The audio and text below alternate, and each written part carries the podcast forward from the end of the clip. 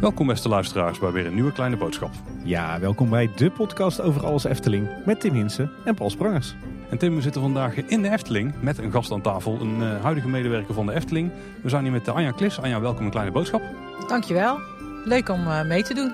En Anja, je bent Operational Duty Manager in de Efteling. Maar je hebt een, een rijke historie daar, want uh, Anja werkt al een tijdje bij de Efteling, Tim. Ja, 41 jaar als ik het goed zeg. Ja, 1 april. Uh, het is geen grapje, ben ik 41 jaar in dienst. 41 Zo. jaar in dienst, dat hoor je bijna nooit meer, hè? Dat is jou niet gelukt, Tim? Nee, nog niet. Nee, wat kan nee maar bij de Efteling bedoel je? nee, bij de Efteling zeker niet. Nee, dat was na uh, een jaar of zes uh, klaar. Maar dat is een ander verhaal. hey, het leuke is, we zitten vandaag voor de verandering eens een keer niet in een muffe vergaderruimte op kantoor Ravelijn. We zitten op een hele bijzondere plek in de Efteling, hè? Nou, de favoriete plek van volgens mij iedereen achter de microfoon hier. Het Routerplein. Ja, prima. Ik ben hier als operationeel duty manager. En uh, operationeel betekent dat je niet in een uh, duf kantoor zit, zoals Tim het zegt. nou, hebben wij weer geluk. Dit is waar het gebeurt, hè? in het park en zeker, uh, zeker op het Herautenplein. Oh ja, je bent momenteel ook, ook echt operationeel. Hè? Dus het kan zijn dat je af en toe een, een oproep krijgt als er in het park iets, iets niet helemaal gaat zoals het zou moeten. Ja, ik ben de hele dag bereikbaar via mijn portofoon voor ja, alle afdelingen en telefoon. Um, en ik kan inderdaad opgeroepen worden, want ik heb vandaag gewoon duty. Dus stel dat er iets ernstigs aan de hand is, dan ga ik jullie zelfs alleen laten. Nou, daar hebben we alle begrip voor, uh, denk Zeker. ik. Dat betekent uh, trouwens ook dat we het vandaag uh, dat we niet een techneut aan tafel hebben of een creatieveling, maar echt weer iemand uit de operatie, uit de exploitatie van het park. Dus ik denk dat we weer heel veel nieuwe dingen gaan leren vandaag. daar duiken we natuurlijk dadelijk in. maar hoe we altijd beginnen, Anja, kan je jezelf eens even kort voorstellen? Wie is Anja Klis? Uh, ja, dat moet wel lukken. Ik uh, ben Anja Klis, woonachtig in Kaatsheuvel, geboren en getogen ook in uh, Kaatsheuvel. Ik woon samen met Nico en we hebben twee ponies en een hond en een, ik heb een tropisch aquarium. Kijk, een halve dierentuin in Kaatsheuvel. Ja, precies. en ja, inderdaad al 41 jaar werkzaam in de Efteling. Hey, hoe kwam je eigenlijk in de Efteling terecht? Ik kwam in de Efteling omdat ik uh, nou helemaal nog langer dan 41 jaar geleden uh, ben ik uh, als vakantiewerker in de Efteling terechtgekomen. Ja, je woont in Kaatsheuvel en dan is het makkelijk om bij de Efteling te gaan werken. In die tijd was het niet zo makkelijk om aan een baantje te komen bij de Efteling. op 2 januari werden er altijd sollicitatieformulieren uitgedeeld. Ehm, en er werden net zoveel formulieren uitgedeeld ongeveer als dat we medewerkers nodig hadden. Uh, dat was in die tijd nog niet zo heel erg uh, veel. Uh, ik ben in de rij gaan staan voor een sollicitatieformulier. maar werd toch op de een of andere manier. ik weet niet meer of ik echt een formulier had of dat ik afgewezen werd. Dat, dat is me niet meer zo bijgebleven. Maar ehm, ik werd afgewezen. En, maar mijn vader werkte ook voor de Efteling. Die werkte op Bungalowpark het Kraven. En die heeft toen ergens een deal gesloten met toenmalige directeur die uh, altijd op doordeweekse dagen op Bungalowpark de Kraanven uh, woonde. Uh, en zo ben ik eigenlijk toch in de Efteling terechtgekomen. Ja, kijk. En, en hoe oud was je toen? Toen was ik 15. Kijk. en na mijn middelbare school, want toen was ik gewoon vakantiewerker, ben ik gaan werken en leren in de zwakzinnige verzorging, zoals men dat toen noemde. Dus een hele andere kant op. Maar daar heb ik uh, gezondheidsproblemen gekregen. Ik heb last van mijn rug gekregen. Want in die tijd moest je al die mensen nog uh, zelf uh, tillen ook. en werd ik meteen afgekeurd ook voor verzorgende en verplegende beroepen. Maar ja, ik was 18 of 19 en wilde niet mijn hele leven verder thuis zitten. Dus toen ben ik bij de Efteling gaan informeren naar een seizoensbaantje, zoals ze dat toen noemden. En uh, daar ben ik aangenomen in een uh, winkeltje. En dat, uh, daar, daar, ik dacht toen van nou, ik ga daar een jaartje werken en eens nadenken over mijn toekomst en wat ik dan nu ga doen. en ik ben eigenlijk nog steeds aan het nadenken, zeg ik altijd. 41 jaar later. Want je, ja, jij bent dus in 1981 begonnen als seizoensmedewerker, maar je werkt dus eigenlijk al sinds eind jaren 70 in de Efteling dan. Uh, ja, zo ongeveer wel, ja. ja dus je hebt de Efteling nog echt meegemaakt zonder spookslot, zonder Python, zonder allerlei Met spookslot al. Ja. Met spookslot. Oké, ja. kijk. Ja. Maar ik ben gestart in 81 inderdaad tegelijk met de Python. Die is ook in 81 gekomen. Hey, je begon als uh, verkoopmedewerkster. Uh, waar was je eigenlijk verkoopmedewerkster? Ik was verkoopmedewerkster in de Zoete Inval op ingang Noord. Uh, en ingang Noord is waar nu ongeveer het Carnaval Festival staat. Ja. En dan kun je je bijna niet voorstellen, maar dat was toen de hoofdingang van de Efteling. Uh, daar hadden we één parkeerterreintje voor auto's, één voor bussen en een fietsenstallentje. en dat was toen nog voldoende. Dat zou nu niet eens op, het, uh, op de korte kant passen, denk ik. nee, inderdaad. Maar jij zegt de zoete inval bij ingang Noord, maar dat was wel dezelfde zoete inval als, die we, als waar die nu staat? Of was dat een, uh, nee, een ander het was, uh, het, wat nu het korfje is bij de hotelingang, Ja. was des, is, is gestart als zoete inval op ingang Noord. Souvenirwinkeltje en ijsjes hadden we en een heel klein assortimentje snoep. Ja, daar kwam je binnen, zeg maar. Zijn er ook nog dingen uit die tijd die je daar verkocht die we tegenwoordig niet meer in de Efteling kunnen vinden? Jazeker. Hey, kijk, daar zijn we benieuwd naar. We hebben de laatste aflevering over gemaakt. Misschien zitten een paar van onze classics ertussen, Tim. ja. Uh, we hadden sowieso houten molentjes met de, de muziekstukje Tulpen uit Amsterdam uh, Oh. erin. Delfts blauwe klompjes. Uh, maar we hadden ook een heel mooi, tussen aanhalingstekens, houten bordje. eh, met een sticker erop met zo'n bol glaasje. Dus dan ja, leek het eh, iets anders eh, getekend. Uh, en daar stond de mooie tekst op. Uh, op deze mooie plaats heb ik aan jou gedacht en deze herinnering voor jou meegebracht. Ik zal het nooit vergeten. Um, en uh, die kregen wij binnen. Wij hadden helemaal geen inspraak eigenlijk in het assortiment. En wij dachten van nou, die gaan we never nooit verkopen. We leggen er eentje in de etalage en de rest leggen we in een doos achter in ons magazijntje. Maar we moesten heel snel die doos tevoorschijn trekken, want die dingen die gingen echt als uh, zoete broodjes over de toonbank. Omdat het een van de eerste private label artikelen was, zeg maar, die echt voor de Efteling gemaakt was. Oh, er stond ook een Efteling afbeelding op. Ja. Ja. Oh, ja. Klinkt als een collectors item. Ik ben benieuwd wie van onze luisteraars dat uh, die uh, eentje Oeh, thuis ja. heeft liggen. Um, Anja, hoe was het eigenlijk om destijds in de Efteling te werken, begin jaren 80? Ik kan me voorstellen dat het een heel ander bedrijf was en, uh, dan, dan hoe we het nu kennen. Ja, het was sowieso heel leuk om in de Efteling te werken, omdat de Efteling heel erg in ontwikkeling uh, was. En ik heb natuurlijk echt mee mogen varen op die ontwikkeling, ook mijn persoonlijke ontwikkeling daarin uh, mee kunnen nemen. Um, maar het was gewoon een veel kleiner bedrijf. Iedereen kende elkaar. Ja, we hadden, als het heel mooi weer was, uh, ging er wel eens iemand van de technische dienst op de fiets langs alle winkeltjes of alle restaurants van uh, even spreken voor vanavond af bij, uh, op het terras van de Steenbakker. Hè, de, de, de, plaatselijke kroeg hier. En dan zaten we daar ook met een heel stel mensen die avond. Dus ja, het was gewoon allemaal veel kleiner en knusser en ja, één grote familie. Waar we nog steeds zijn. Uh, maar ja, het is toch anders. Ja, want nu heeft de Efteling ongeveer, uh, of eigenlijk ruim 3000 medewerkers. Uh, hoe groot was destijds de club toen jij hier begon? Eh, ik denk een 100. Kijk, dus je kende elkaar echt allemaal Ja, persoonlijk. Ja.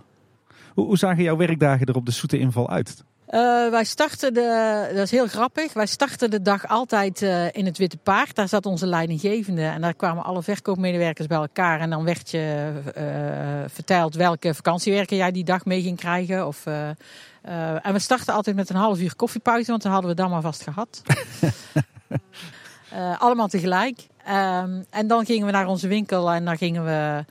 Uh, ja, de winkel bijvullen en schoonmaken. En uh, nou, dan ging de Efteling open en dan ging je de hele dag uh, ja, verkopen. In de ochtend hadden wij, wij waren bij de ingang, dus in de ochtend hadden we heel veel plattegronden, fotorolletjes.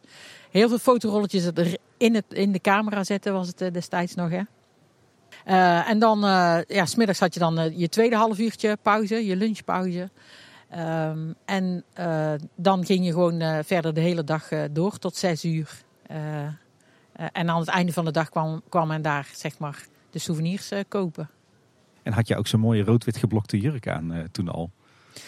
Ja, nou ik ben zelfs begonnen als vakantiewerker in gewone kleding, je privékleding. Daarna kregen oh. we een, een soort, ja wij noemden het altijd een beetje een HEMA-schort. Echt zo'n schort die je over je gewone kleding aandeed.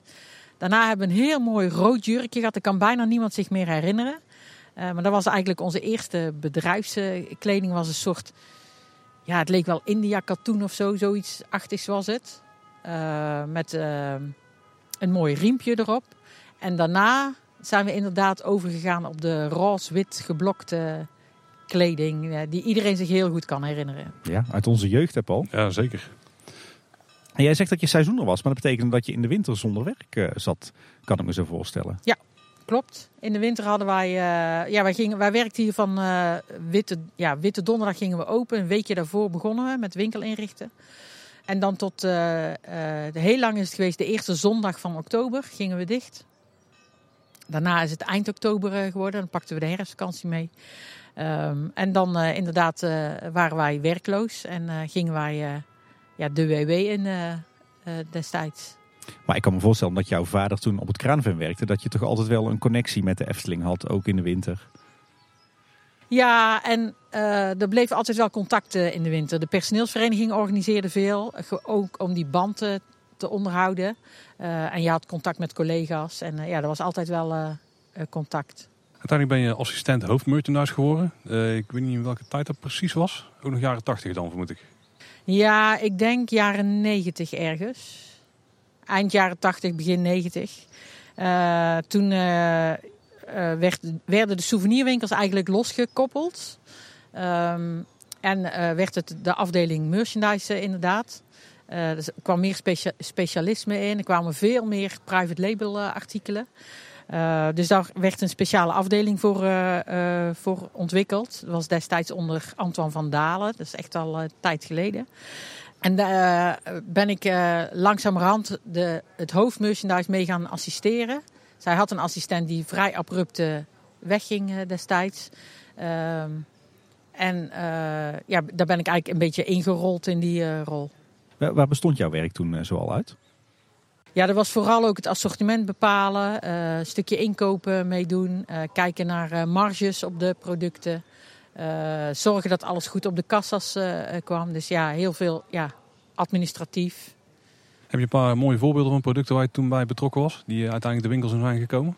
Ja, ik ben betrokken geweest bij de allereerste Padoespoppen. En uh, heb die ook zien evolueren, zeg maar, in de geschiedenis. We hadden destijds LP's. Dus ja, veel muziek. Ja, vooral de Padoeslijn en de Padijntje-lijn. Daar, daar heb ik denk ik wel veel mee gewerkt. Ja. Dat was ook echt in de beginjaren van de ontwikkeling van Pardoes zelf dus. Ja. Hey, kan je ons eens meenemen, uh, Anja? Hoe zag destijds een beetje het, het aanbod van, uh, van winkeltjes eruit in de Efteling? Want ik denk dat er uh, een, een, aantal winkeltjes destijds ook niet waren die we nu al kennen. En andersom dat er ook wat winkels zijn verdwenen in de loop der jaren. Ja, nou in de beginjaren van de, de merchandise, hè, dat we losgetrokken zijn zeg maar, van de rest van de winkels. toen hebben we geïnvesteerd in zelfbedieningswinkels. Dus daar hadden we een beetje uh, de A-locaties, wat grotere winkels. Daar waren de Marskramer, Joki is dat geworden en, uh, en later Efteldingen. Uh, dat zijn eigenlijk ja, de, de grotere winkels waar, ja, waar ook de, gewoon de meeste omzet gehaald wordt. Ehm, en daarnaast hebben we de themawinkels ontwikkeld, zoals bij Droomvlucht. bij de Bazaar natuurlijk, de Fata Morgana. dus daar hebben we echt onderscheid in gemaakt. En zo is het ook een beetje georganiseerd geworden. Ja, we hebben daar. Uh, uh, bij Droomvlucht is het natuurlijk een winkel geworden waar je, doorheen, waar je altijd doorheen komt. Hè. Dat was toen het Walhalla, zeg maar. Deed, deed men in veel parken. Daar zijn we ook later wel een beetje van teruggekomen van ja. Uh, dan worden mensen ook naar buiten geduwd hè, als het druk is. In Droomvlucht worden mensen ook een beetje door die winkel heen geduwd. En winkelen is toch veel meer in de loop der jaren geworden van ja, rustig kijken en producten in je handen nemen. En kijken naar de prijs. En uh, dus ja, wat rustiger uh, winkelen, zeg maar. Niet, dus, niet meer het uh, exit through the gift shop zoals ze bij Disney prediken. Ja, precies. Ja, maar ook Disney komt daarvan terug volgens mij hoor, als ik met hen spreek. Dus ja, die ontwikkeling hebben we allemaal gezien. Je had het er net over dat jullie ook zelf eigen merchandise ontwikkelden. Waar, waar, kwam die inspiratie vandaan? Wie kwam met die ideeën en, en wie, wie hakte dan de knoop door dit gaan we doen? Um, er kwamen heel veel ideeën van de werkvloer. Dus uh, mensen die in de winkels uh, staan en uh, die ja, vragen krijgen van gasten, die weten van, ja, van vanuit die gast welke behoefte er is. En dat legden wij dan voor, vaak bij de afdeling ontwerp.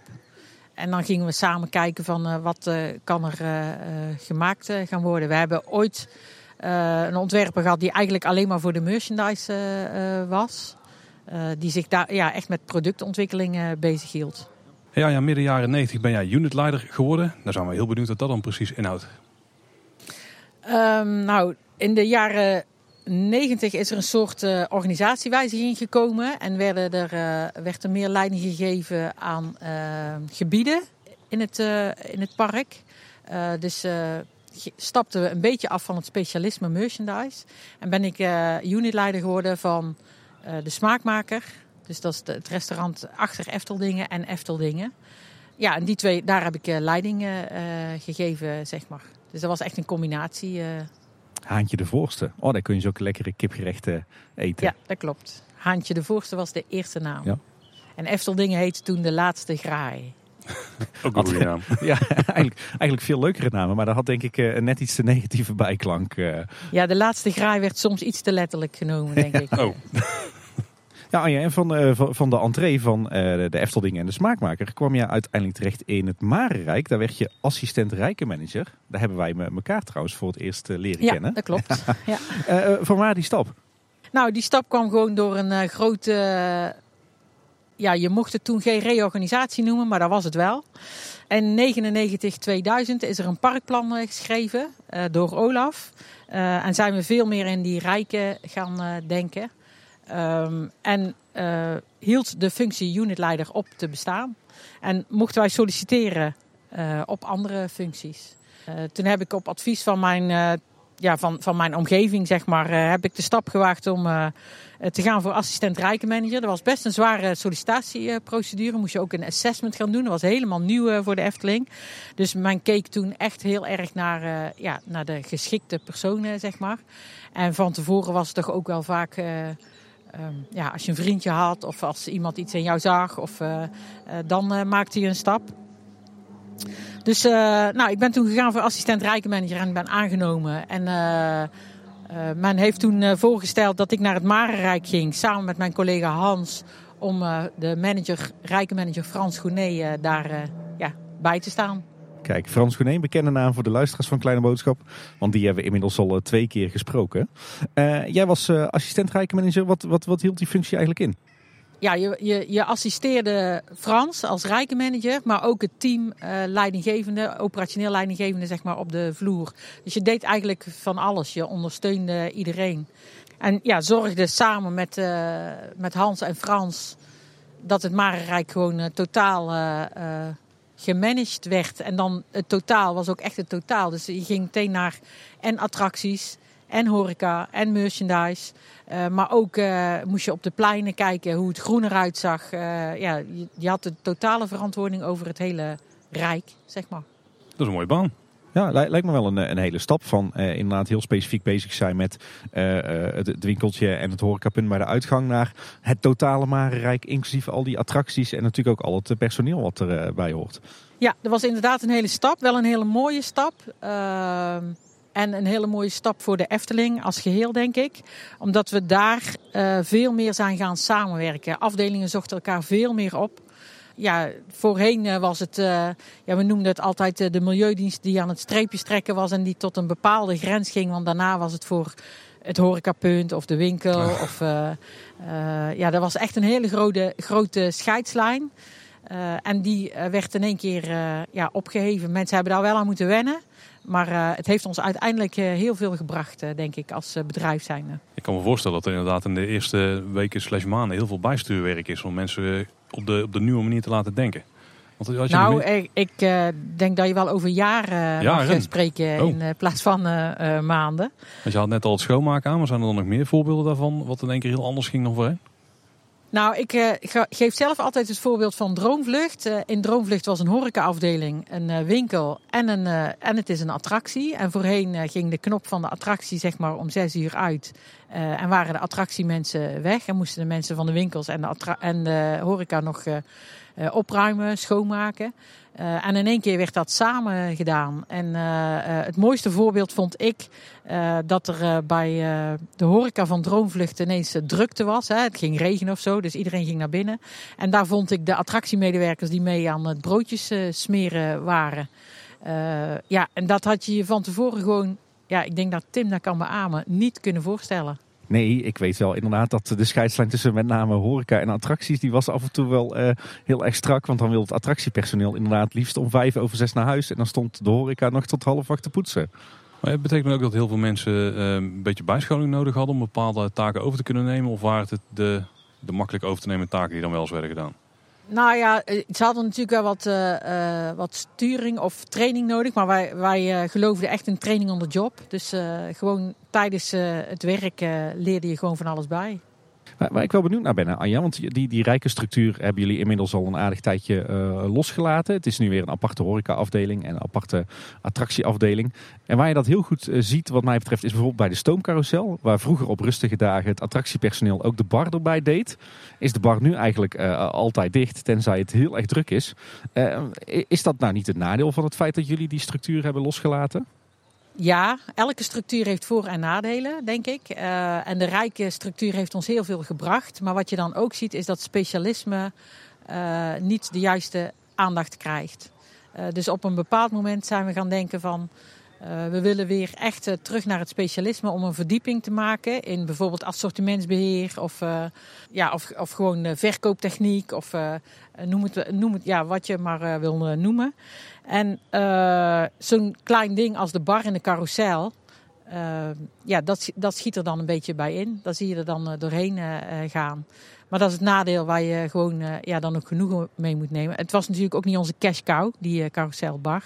Dus ja, dan neem je daar genoegen mee. En wij denken ook dat er genoeg andere plaatsen zijn waar mensen heel rustig iets kunnen drinken op die rustige dagen. Dus hebben we niet die carouselbar per se nodig. Nou. En afgelopen jaar is natuurlijk wel ingezet op een bredere kennis van verschillende vakgebieden bij ieder personeelslid. Zodat het wel makkelijker uh, geswitcht kan worden. Ja, daar zijn we wel weer naar aan het kijken. We zijn meer mensen aan het opleiden inderdaad. Uh, of hebben we dat gedaan, vooral tijdens de lockdown-periode. Uh, om wat meer kwalificaties te halen, ook op andere vakgebied. Nou, dus komt toch een beetje, het wordt nu een beetje het beste van beide, denk ik. Ja, ja, inderdaad. Ja, dat denk ik ook. Hey Anja, je had het net over hè, die, die integraliteit in zo'n zo'n subrijk. En met name dan het afsluiten, het poetsen aan het eind van, van de werkdag. Ik, dat zijn de momenten die ik me nog heel goed, goed kan herinneren van mijn tijd. Zeker als vakantiewerker. En iets wat me heel erg bijstaat, waar ik van tevoren nooit had gedacht. Uh, maar ik, ik ben hier begonnen op de horeca, smulpaap en de winkeltjes. Is dat er eigenlijk één ding centraal stond. En dat was poetsen, poetsen, poetsen, poetsen, poetsen. Als ik ergens geleerd heb om te poetsen, dan is het hier in de Efteling. En dat doe je nog steeds driftig. dat doe ik nog steeds driftig, ja. Daar heb ik aan de Efteling te danken. Uh, kan jij eens uitleggen waarom dat, waarom dat destijds zo op gehamerd werd? Poetsen in de horeca is natuurlijk ook gewoon een wettelijke verplichting. Je hebt eh, HESUP, hè, de, de, dus de kwaliteits- en schoonmaakcontrole in de systemen in de horeca. En dat, ja, dat wordt ook eigenlijk gewoon opgelegd. Hè. Wij als consument, want daar zijn we natuurlijk ook allemaal in de horeca, verwachten ook dat wij gewoon een schone locatie hebben en een, een gerecht wat goed is van kwaliteit. Dus ja, daarom hebben we daar denk ik ook wel erg de nadruk op gelegd. Wij worden natuurlijk ook gevolgd. De Efteling ligt overal onder een vergrootglas. Dus ook uiteindelijk in dit, op dit gebied. En toch heb ik het nooit meer ergens zo, zo ervaren als hier, dat daar zo de nadruk op lag. Nou, mooi.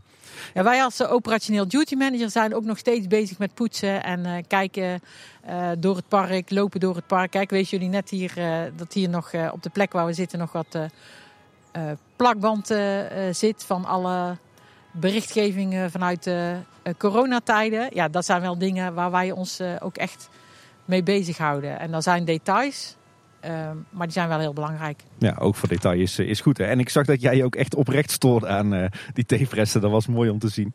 Hey, even terug naar jouw tijd als assistent rijkmanager in het Marenrijk. Uh, jouw functie was ontzettend breed, maar hoe zagen jouw werkdagen er dan eigenlijk uit? Um, ik begon uh, s ochtends rond 9 uur, denk ik. Nou, dan ja, loop je een rondje door het Rijk. Kijk je gezamenlijk van wat gaat er gebeuren vandaag. Uh, hoeveel gasten verwachten we? Waar hebben we personele problemen? Hoe lossen we dat op? Uh, is er voorraad ge uh, genoeg? hebben we daar nog ergens een issue dat iemand vergeten is om iets te bestellen? Of ja, dat soort zaken kwamen dan bij ons. Of heel veel pallets met raketjes. dat kan ook. En die probeerden we dan op te lossen. Daarna waren we gewoon, of we hadden afspraken, of we liepen gewoon de hele dag door het Rijk en ja, keken wat er op ons afkwam, zeg maar.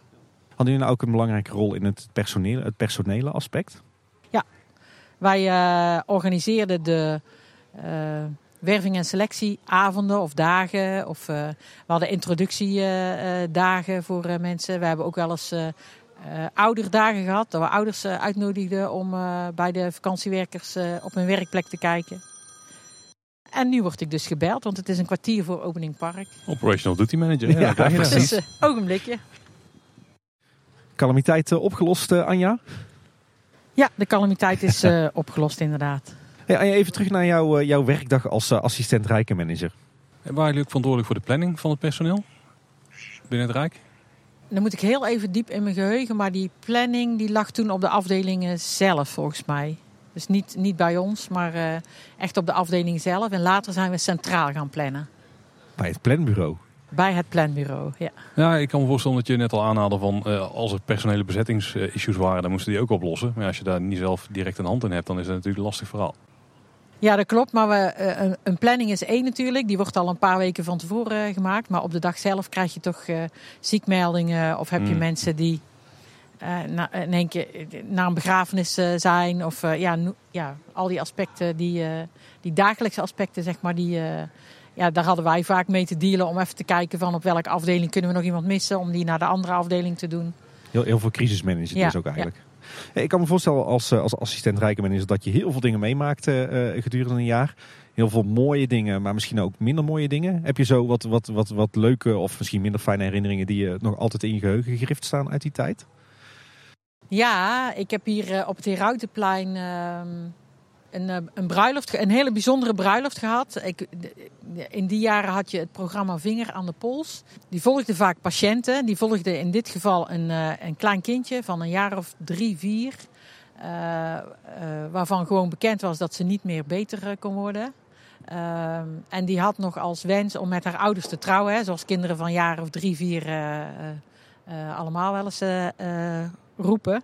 Uh, en wij hebben dat hier mogelijk gemaakt. Wij hebben hier op het Heruitenplein een, uh, ja, samen met dat programma dan natuurlijk, uh, een koets gehad waar dat kindje in zat. Dat kindje had een bruidsjurk aan, mama had een bruidsjurk, papa had een mooi pak. En die zijn hier door volgens mij de prins en de prinses of zo getrouwd.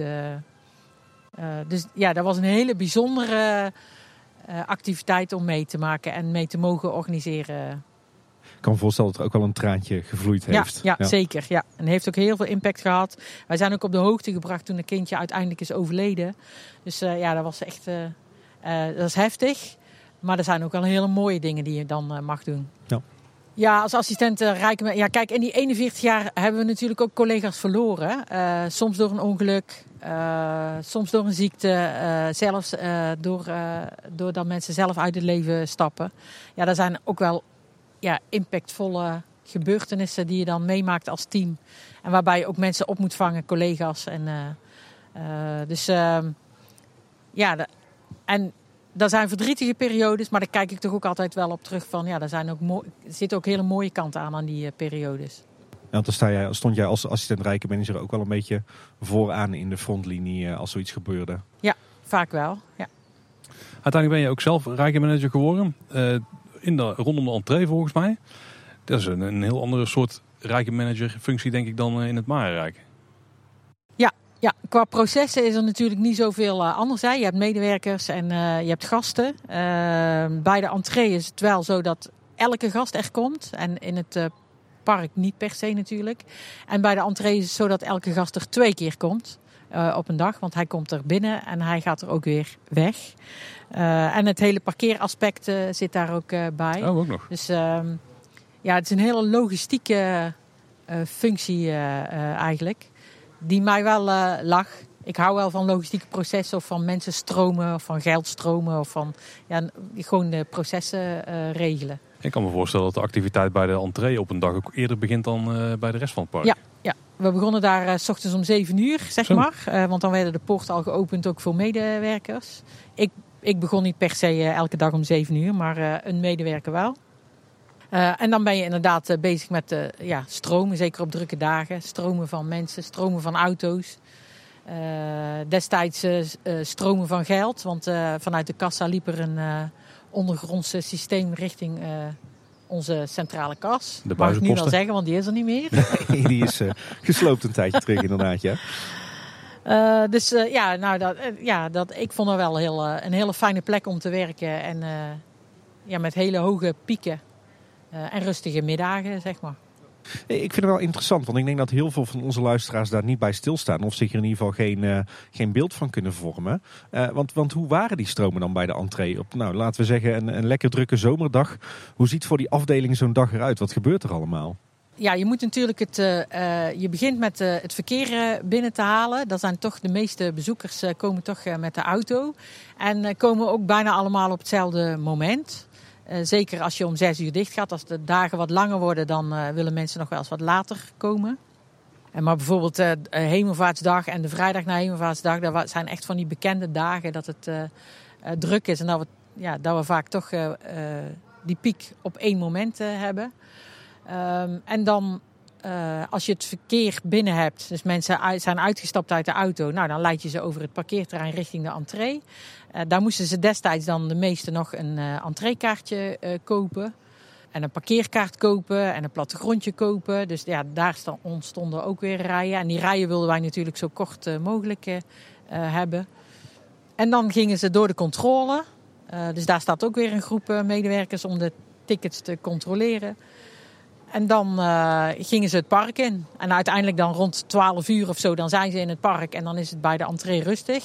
Nou, dan ga je ja, uh, lunchpauze houden, schoonmaken, opruimen. Want ook daar wordt schoongemaakt, ja. Tim, bij de entree. Komt af en toe nog een verdwaalde abonnementhouder binnen. Ja, dan loopt er, uh, lopen er smiddags nog wel eens abonnementhouders binnen. Die zijn natuurlijk veel talliger geworden de laatste tijd dan toen.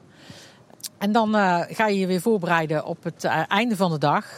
Uh, want dan willen die mensen ook allemaal weer ongeveer op dezelfde tijd eruit van het parkeerterrein af en naar huis. Dan kan ik me voorstellen dat het entreegebied een plek is waar misschien qua, nou, laat zo zeggen, wrijving tussen bezoekers en, uh, en, de, en, en, de organisatie, zeg maar, misschien het meeste nog wel gebeurt in het park. En ook gewoon bezoekers onderling, misschien af en toe wat blikschade op parkeerplaats, maar ook wat discussies bij de kassa kan ik me zo voorstellen. Zijn dat dingen waar je dan ook direct mee, uh, mee bemoeit, zeg maar, of, of geef je vooral sturing aan de mensen die, uh, die op de vloer staan? De mensen op de vloer kunnen het meeste prima zelf oplossen. Als het echt ja, als het echt uit de hand loopt of als mensen echt niet uh, uh, willen luisteren. Of ja, vaak vragen ze ook om iemand uh, erbij. dan ehm, ja, proberen we dan nog te voorkomen. Hè. We proberen echt zoveel mogelijk op de vloer zelf op te lossen. maar in sommige gevallen word je er wel bij geroepen. Ja.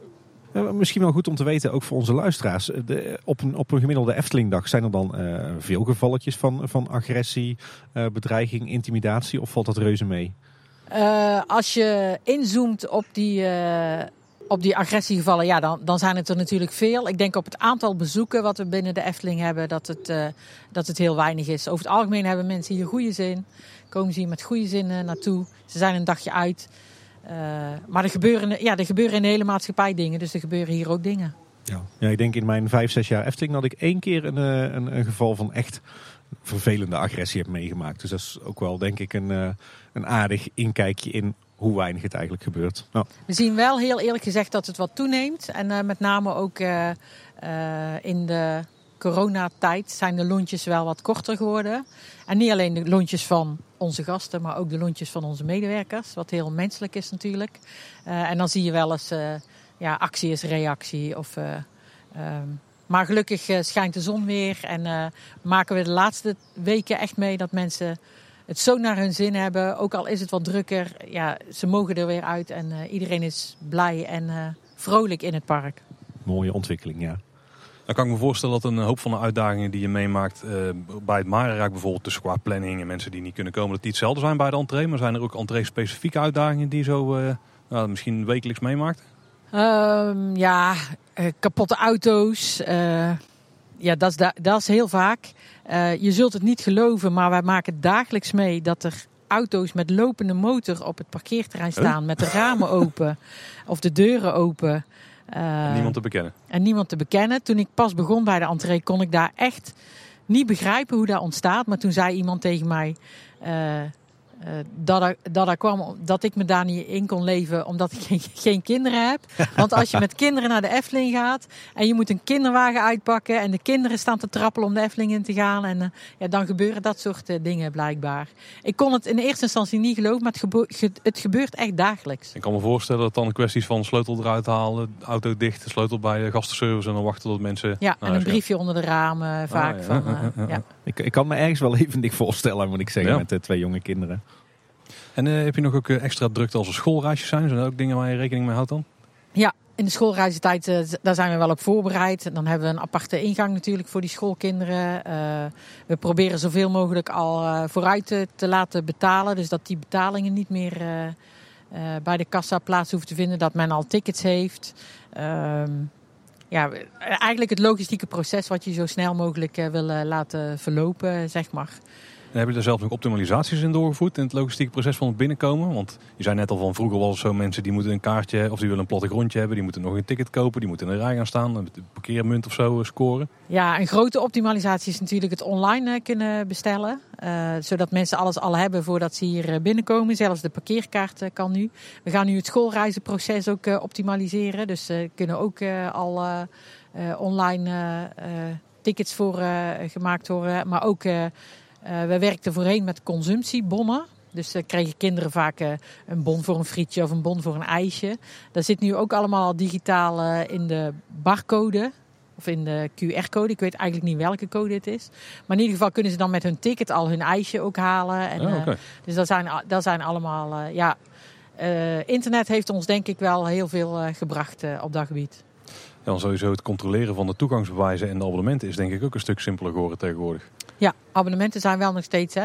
Goed kijken naar eh, de foto, goed kijken naar de geboortedatum. Ja, maar volgens mij gaat er al een groen eh, schermpje aan of zo als iemand een eh, juist abonnement heeft. Dus ik vermoed dat het dan groen is. Maar... En ik kan me voorstellen dat, dat de leeftijd van kinderen, dat dat toch wel een issue is bij de kaartcontrole. Ja, dat is altijd, uh, ja, dat komt ook wel enkele keren per dag uh, voor inderdaad. Dat onze controleur denkt dat een kind uh, ouder dan vier is. En dat de ouders bij hoog en laag beweren dat het niet zo is. Als je als ouder nou die discussie wil voorkomen, wat kun je dan het beste doen? Want... Nou, het beste is dan om een bewijsje mee uh, te brengen. Al is het maar een uh, kaartje van, van de ziektekostenverzekeraar of een. ja, de meeste ouders waar, waarvan een kind groter is, hè, groter dan gemiddeld, die hebben vaak al iets bij, want die weten dat ze hier tegenaan gaan lopen.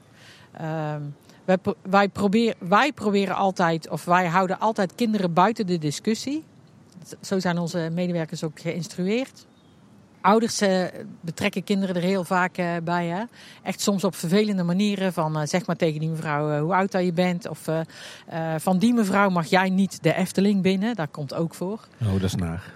Nou, dan, dan proberen we dat altijd wel te sussen. En we hebben daar een goede oplossing voor. Want mensen kopen dan een kaartje als ze geen bewijs hebben. En als zij binnen twee weken kunnen bewijzen via een geboortebewijs of een of een kopie van ergens van uh, dat het kind echt nog geen vier is, dan storten wij het geld terug op hun uh, rekening. En dat vinden wij een hele redelijke ja, dat is oplossing. Oh, dat is een goede ja. methode. Ja. Ja. Ja, ja, dat wist ik niet. En, en nog een tip voor de mensen die abonnementhouder zijn. Je kunt voor je kinderen ook een onder vier jaar abonnement halen. Hebben ze ook al een eigen pasje, mogen ze ook gewoon laten zien bij de entree. En uh, dan weten de Efteling-medewerkers ook dat ze gewoon onder de vier zijn. Ja, en vaak willen die kinderen ook een pasje. Zeker als ze een oude broer of zusje hebben. Ja. Ja, en dan vinden ze het fantastisch om ook een pasje te kunnen laten zien. Die meiden van mij die, uh, die waren net de enige gepasseerd en die wilden al een Efteling-abonnement. Dus uh, ja, en het voordeel is natuurlijk dat de Efteling ook op de dag dat ze vier worden, meteen automatisch een mail de deur, de deur uit kan doen van schaf je je abonnement aan. Ja, ja. Maar het is, daar, daaruit is het niet ontstaan. Het uh, onder de vier jaar pasje is echt uit gastgerichtheid en uh, vragen van abonnementhouders die uh, een kleiner kind hadden wat heel graag een pasje wilde. Ja. we hebben het bij de entree over het parkeren, de poort en de kassa. Om maar de, de uitdrukking papoka van stal te, houden, te halen. Maar er werken natuurlijk nog veel meer mensen in het entreegebied. En ik kan me bijvoorbeeld voorstellen de mensen die bij de fietsenstalling staan. En er is nog een kennel. wat, wat zijn er allemaal nog meer voor functies bij de entree? Nou, de andere functies bij de entreegebied is inderdaad fietsenstalling. Uh, zit een medewerker.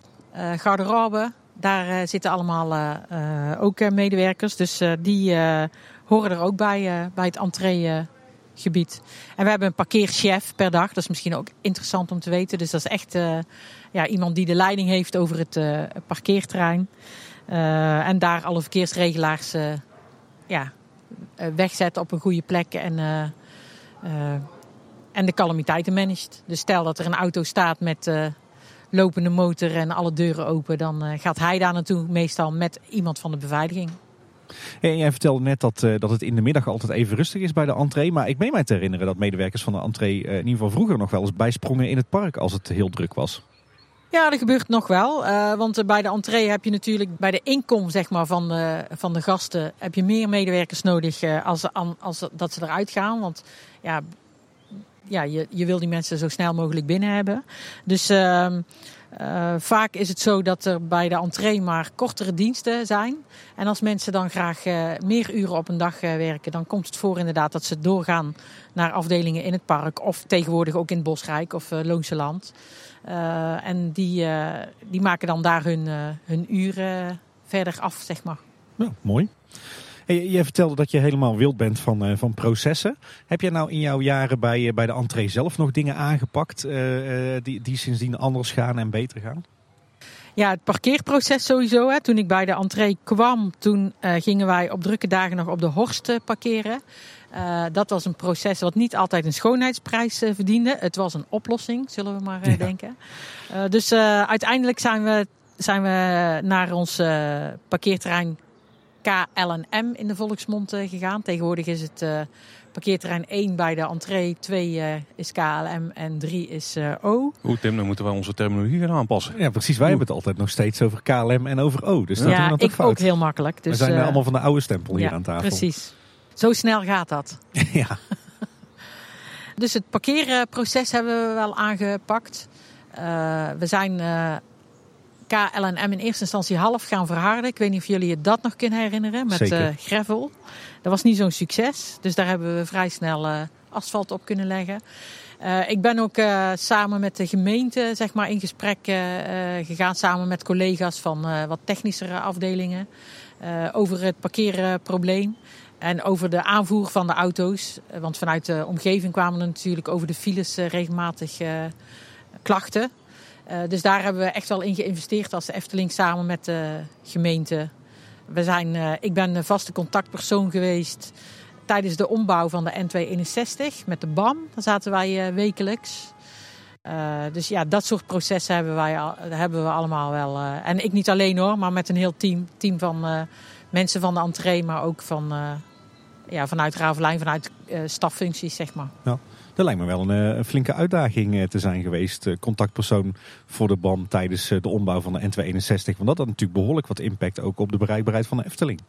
Ja, ja, dat klopt. En die bereikbaarheid is eigenlijk niet aan getornd. Dat hebben we ook als eisen vrijwel meteen neergelegd. En dat was ook wel een opdracht voor de BAM. Die contacten waren heel goed en ja, alles ging in goed overleg. En uh, ja, ik weet nog wel dat uh, in de voorbesprekingen dat wij wel eens vragend aangekeken werden. Maar dat uiteindelijk toen ze bezig waren, ehm, de BAM ook in de gaten kreeg wanneer de spits op de N261 zat. Want dat was natuurlijk echt tegenovergesteld van al hun andere werkzaamheden. En ze hebben ook wel eens gezegd van ja, we hebben wel eens getwijfeld aan jullie woorden, maar jullie hebben echt gelijk. Vanaf 10 uur rijdt het hier gewoon op. Dus uh, tot 12 uur. En zij hielden dan ook rekening dat er dan geen grote kranen kwamen of geen, uh, niet, uh, geen rijbanen afgesloten werden. Nooit voor problemen gezorgd? Nee, eigenlijk niet. Nee. Helemaal aan het begin van het proces hebben ze een keer om zes uur s'avonds de kruising bij de Europalaan afgesloten. Eén rijbaan van gemaakt. Het is niet zo handig als de Efteling gaat uitrijden. nee. maar toen bleek dat wij een misverstand hadden over uh, avond- en nachtwerkzaamheden. want zij, ja, weet je, daar zat echt een, uh, een communicatiestoornis in uh, de tijdstippen, zeg maar. Wat zij gewend zijn op andere wegen en wat hier dan die wegen zijn. Heb jij ook nog een rol gehad in de komst van het wisselstrokensysteem op de Europalaan? Nee, toen was ik al weg bij de entree. ik heb daar wel mee, ja, helemaal in het begin mee over aan tafel gezeten. maar de uiteindelijke uitvoering is gedaan met een andere manager. Je gaf net al aan, je niet meer betrokken bij het eh, wisselstrookproject. Want je bent van manager entree verschoven naar manager merchandise. Wel een interessante stap. Misschien toch een beetje weer aan het kriebelen, terug naar het oude nest? Nee, dat was ook een beetje wat, uh, wat de organisatie omvroeg. Uh, Dat is eigenlijk wel een rode draad door mijn hele carrière. ik ben graag daar waar de organisatie mij nodig heeft. Bij de entree was ik nog in de functie, was ik nog zeg maar. Uh, en toen gingen we van de rijke structuur echt naar die specialisatie, waar we het al eerder over uh, gehad hebben. En zag men uh, mij als specialist op het merchandise gebied. en ze hebben me gevraagd om die functie weer op te pakken. Zo grappig eigenlijk, want je was al aardig wat jaartjes uit de merchandise, toch? Ja, er zit ook een vrij grote winkel wel in het entreegebied, hè? Ja, dat is waar. ja, dat klopt. Ik was er al een tijdje uit, maar ehm, ja, weet je, het, het, blijft dan toch kriebelen en uh, ja, wat ik al zei, de organisatie zag mij als uh, de specialist op het uh, merchandise gebied. Hey, een nieuwe organisatiestructuur en jij werd dus het, het, hoofd van de afdeling merchandise. Um, hoe zag die, die afdeling eruit en wat was jouw rol daarbinnen? Ja, die afdeling ja, zag eruit door alle merchandise winkels, over alle merchandise winkels en de game gallery. Want het was destijds merchandise en games. Ja, en al die afdelingen uh, die, die, lagen door het hele park verspreid. Ik had er drie uh, operationele teamleads. Uh, of, ja, we hebben hier allerlei titels gehad in al die jaren. Maar ja, drie leidinggevenden zeg maar, die echt met de medewerkers en ja, on the, job bezig waren in de winkel zelf. Hoe ziet een winkel eruit? En ik hield me samen met een assistent bezig over assortimenten. En over ja, hoe, hoe moet deze afdeling er in de toekomst uit gaan zien. Ja, dat soort zaken. Ja, dus jij richtte je meer op zeg maar echte inhoud van uh, het assortiment. Uh, de merchandise die de Efteling uh, liet maken. En wat minder op echt het operationele vlak. Ja, ja. en het echte eindverantwoording van het assortiment lag bij een stafafdeling. maar ik had daar wel veel input in en ging ook mee naar leveranciers. En ja, voor de games kochten wij zelf de prijzen in, zeg maar. Dus ja, daar waren we mee bezig. Uh, de Efteling heeft de afgelopen jaren echt een enorme sprong gemaakt qua merchandise aanbod. Hè. Zeker als je kijkt naar echt de, de, de eigen Efteling souvenirs. Dat was altijd maar een klein aandeel, maar dat is nu enorm. Heb je daar ook nog een rol in gehad? Nou, dat was al in mijn tijd ook wel uh, veel groter aan het worden. maar de laatste jaren is daar ook nog wel een stukje professionalisering in gekomen. En zijn er ook de juiste mensen binnengehaald om producten te ontwikkelen. En die dat ook bij andere bedrijven hebben gedaan. En die de goede contacten weten te leggen, zeg maar. Wat is jouw visie eigenlijk als merchandise manager? Zou je in de Efteling echt uh, alleen maar 100% eigen producten in de winkels moeten hebben? Of mag er ook wat meer generieke merchandise in de, in de, de schappen liggen? Uh, wat mij betreft mag er ook meer generieke merchandise in de schappen liggen. Wij noemen dat impuls. Dus wij hebben uh, private label artikelen en impulse artikelen. Uh, en daar, heeft, daar is ook puur met een financieel aspect heeft dat te maken. Want uh, daar kun je vaak veel meer marge op pakken als op de private label artikelen. En je hebt een groter inkoopvolume, hè, omdat het ook naar andere bedrijven gaat. Dus dan koop je het vaak wat goedkoper in. ja, en de Efteling is een prachtig bedrijf. Maar het is wel een bedrijf. Dus er moet gewoon aan het einde van het jaar onderaan de streep moeten groene cijfers uh, staan. Dus dat, als manager heb je daar ook een belangrijke rol in. Uh. Zijn pins ook onderdeel van het merchandise aanbod? Ja, pins zijn ook uh, onderdeel daarvan. En dat is wel mijn kindje een beetje. Ik ben echt hier destijds met de pinverzamelaar, of ja, met de pin-uitgiftes begonnen. En heb die pinverzamelaars een beetje bij elkaar geroepen. Ik weet niet of je het je nog kan herinneren, Tim, maar we hebben ooit al die pinverzamelaars bij elkaar gezet bij de Lutique. Uh, met een uh, ketel chocomel van wat zijn nou jullie ideeën? Wat willen jullie graag? En uh, ja, daar, daar was ik wel de, de aanstichter van, zeg maar. En jij liep ook altijd met een pinkoord om, hè? Ja, ja. Ja, dat is echt een ding op zichzelf geworden. Hè? Want iedere keer als er een nieuwe pin uitkomt, dan komen vrij regelmatig nieuwe pins uit tegenwoordig. Dan, dan staan er gewoon ja, lange rijen, wou ik zeggen, om, om, die pin te halen. En er zijn volgens mij al verschillende reserveringssystemen uh, bedacht om het allemaal in goede banen te leiden. Ook om volgens mij te proberen te voorkomen dat alles op marktplaats verschijnt. Want ja, ze zijn heel gewild. Ze zijn heel erg uh, gewild. Ik heb uh, deze pin, ja, misschien hebben jullie hem al wel een keer gezien. 70 ja, jaar pin. Daar staat onze naam ook ingegraveerd aan de achterkant.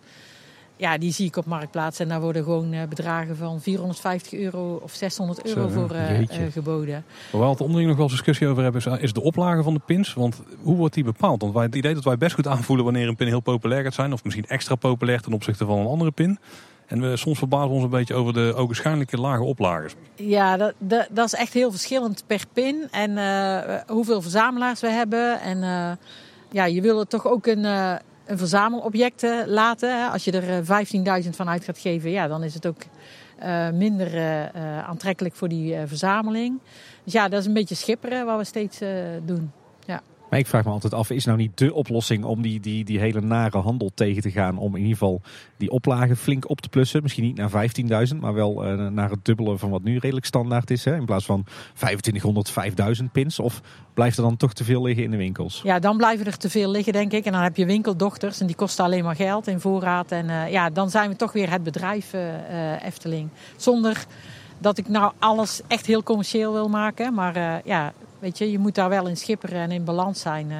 Ja. een beetje uitleggen eigenlijk bij, uh, bij dit, uh, deze kwestie. Ja, precies. En uiteindelijk moet er natuurlijk ook gewoon brood op de plank en beleg op brood. Zo is het ook alweer. Ja, en voorraden zijn gewoon ja, een probleem.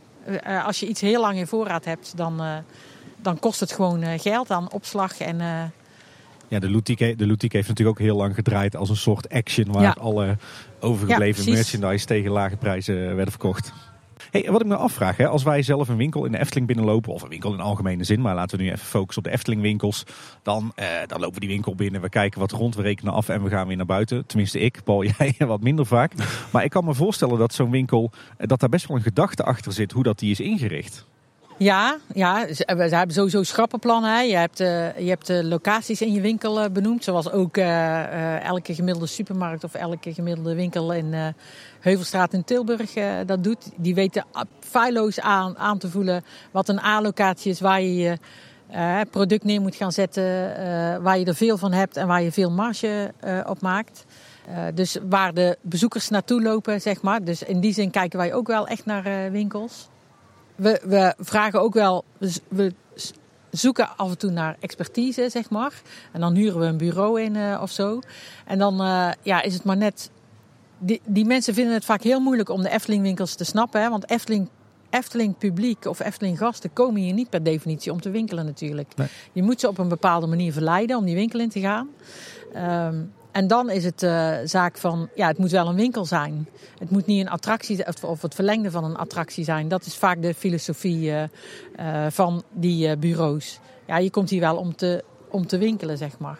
Dus ja, dat is altijd een, ja, er, moet ook een beetje een balans zijn. Dat is altijd een moeilijkheid waar je mee zit bij een Eftelingwinkel. Als ik een winkel in zou moeten gaan richten in een, in een winkelstraat, dan, dan zou ik het heel anders doen als, als hier. Overigens hebben we dat ook gedaan, hè? want ik heb ooit een shop-in-shop in de V&D in Utrecht uh, ingericht voor de Efteling. Uh, dus ja, daar hebben we ook ervaring mee, ja. zeg maar. Was dat de, de Twinkel? Ja, klopt. Ja, de Mooi. Twinkel. Dan ben ik heel benieuwd, want als we eigenlijk kijken naar de geschiedenis van de Efteling, dan hebben we sinds de jaren 80 een paar grote winkels in de Efteling. Maar die zijn eigenlijk, ja, zijn er niet, er zijn geen grote winkels bijgekomen sinds dat het Huis van de Vijf Sintuigen is verschenen. Zit daar nog een uh, gedachte achter? Want wat, wat er aan de winkels is bijgekomen zijn vooral uh, uh, ja, toch een beetje de exit through the gift shop locaties, zeg maar. Dus de balie bij het einde van een attractie. Symbolica heeft er een, Baron 1898 heeft er een. En de flexibele, ja, de flexibele locaties, zoals op het Dwarrelplein hebben we zo'n kast staan. En die vind je nog wel meer plekken. Bij Nest bijvoorbeeld ook eentje. Ik ben wel benieuwd naar die filosofie. Want Paul, jij, leidde net al in. Hè? We hebben natuurlijk jarenlang vier of vijf grote winkels gehad in het park. En de laatste jaren zien we steeds meer een verspreiding van het merchandise aanbod. Inderdaad, over de, de, de ba fotobalies, de, de, verschillende karren. Zit daar nog een gedachte achter? Ja, kijk, wij hebben natuurlijk bij de Efteling uh, een paar hele drukke dagen. Ehm, en dan zie je dat je winkelaanbod eigenlijk te weinig is. Over het algemeen hebben we winkelaanbod genoeg. En uh, om die drukke dagen ook beter te kunnen bedienen, hebben we die flexibele schil mm, ja. gemaakt. maar onze bezoekersaantallen groeien, onze ambities qua omzetgroei zijn er natuurlijk ook. Dus ehm, uh, daarom zijn we echt wel aan het kijken om, uh, om het winkelaanbod uh, uit te breiden. Overigens doe ik nu bijna niets meer in de merchandise. Want dat wil ik nog wel even zeggen. Daar zit inmiddels een andere collega en, met haar team. maar ik probeer me wel altijd nog op de hoogte te houden. En ik, ik word daar regelmatig bij gepraat, zeg maar. Nog een vraagje over het aanbod. En dan focussen we even op de tijd dat jij daarvoor verantwoordelijk was. Want ik kan me voorstellen dat het een hele ingewikkelde balans is om aan de ene kant producten te hebben die voor heel veel mensen interessant zijn om te kopen. En aan de andere kant wil je ook die liefhebbers wel iets bieden wat ze, waar ze ook heel graag, ze ook heel graag zouden willen hebben. Ik denk dat een heel goed voorbeeld bijvoorbeeld de, de piekmarsjes zijn die je in het hotel specifiek nu kunt kopen. Dat is niet echt een, niet een gebruiksvoorwerp met Efteling figuren erop of zo, maar gewoon echt iets typisch Eftelings. Hoe, ja, hoe, hoe, belangrijk is die balans en ligt de focus op een van de twee? Of, en sterker nog, zien jullie dat mensen die, misschien niet, die jullie misschien niet als het doelgroep achter toch die typische Efteling liefhebberspullen kopen? Dat er toch de aantrekkingskracht daarvan groter is dan dat we denken misschien? Ja, ja, een bekende Nederland zegt altijd massa is kassa. En uh, hopen doet kopen. En dat is ook zo in retailwereld. Uh, maar we zijn zeker aan het uh, kijken of, of er wordt gekeken naar de meer verzamelobjecten. Ehm, maar daar maak je er veel minder van. Uh, koop je er dus veel minder in, zijn ze duurder. En als je dan een goede verkoopprijs erop zet, ja, krijg je toch ook wel heel vaak terug van die verzamelaars van ja, het is veel te duur. En dan ga je het pas verkopen op het moment dat het afgeprijsd wordt. Denk aan ons uh, koperen entreegebouw. Uh, ja, en dan wordt het voor de Efteling natuurlijk minder commercieel, minder aantrekkelijk. Ja. Hey, als je naar het, naar het huidige merchandise aanbod kijkt, zowel in het aanbod wat er in de winkels ligt en de winkels die we nu hebben in de Efteling. Waar ben je dan echt, echt trots op? En uh, wat zijn misschien nog wensen vanuit jou? Je bent er weliswaar nu zelf niet meer mee bezig. Maar goed, je bent wel uh, de merchandise guru. Dus uh, hoe kijk je naar het huidige aanbod van merchandise in de Efteling? Ik vind het huidige aanbod mooi. het is een tijdje wat minder geweest omdat we ook wat minder ontwikkelden. Hè. En, we hebben natuurlijk ook een, echt een mindere tijd achter de rug. we zijn weer druk aan het ontwikkelen. De nieuwe lijnen komen binnen. Ik zie echt hele mooie dingen binnenkomen. Wat ik jammer vind en wat ik nieuw leven heb in proberen te blazen is het uh, assortiment van Anton Pieck. We hebben destijds in de Lutique uh, allerlei uh, tekeningen verkocht. Maar die waren toch minder aantrekkelijk als wat ik gedacht heb. Dus ehm, ja, dat is, dat is er wel wat weer uitgegaan. Ik zag nu wel blikjes allemaal weer met wat Pickeriaanse afbeeldingen erop. Dus het komt toch wel weer iets terug. Maar ja, ik, ik ben wel echt een Anton Pieck eh, fan. Dus uh, daar mag van mij meer, meer, meer van. daar kunnen wij het alleen maar mee eens zijn. zeker. Eh, heb jij verder zo nog wensen of ideeën voor het merchandise aanbod van de Efteling in de toekomst? Uh, ja, voor kinderen vooral de doe-dingen, denk ik. Uh, ik ben zelf wat minder fan van uh, computerspelletjes of dingen waar ze achter schermpjes moeten. Ehm, dan kruip ik terug naar nostalgie binnen de Efteling. En ja, laten wij dan de dingen maken en uh, ontwikkelen waar kinderen echt mee uh, ja, actief kunnen spelen. Heb je al eens iets gezien bij uh, andere parken dat je denkt van dit zou nou echt iets moois voor de Efteling zijn in het aanbod? Maar wat er dus nog niet is? Als ik heel eerlijk ben, niet. vaak worden, worden door andere parken juist bij de Efteling gekeken. Ik zie wel waar wij altijd ba de balans kwijt zijn, is in ehm, souvenirs voor volwassenen. Dat is een hele moeilijke markt. Als ik dan naar museawinkels kijk, ja, dan word ik daar wel eens uh, blij van als ik daar uh, rondkijk. Maar ja, dan hebben we het ook wel over een heel ander prijskaartje als uh, wat hier de gemiddelde gast besteedt. zeg ja, maar. er hoort ook wel mooie boeken en zo. daar hebben we ook wel, lopen ook wel warm voor. ja, precies. en ik kan me voorstellen, als je in, in Parijs over Main Street USA wandelt in Disneyland, dat het toch ook wel misschien een inspiratiebron kan zijn of een wensbeeld. Zoveel verschillende winkeltjes. Uh, ja, ja, soms wel. Destijds hadden we ook echt wel contact met uh, Disney. Uh, en qua voorraden zitten zij nog veel erger met hun handen in het haar dan wij, weet ik. En zij vroegen ook destijds van als jullie een oplossing hebben om de voorraden weg te werken, dan horen wij het heel graag. Dus ook daar zit een issue. Alles naar het ludiek brengen, Ja, ja, precies. Maar dat gaat alleen nou niet meer. Nee.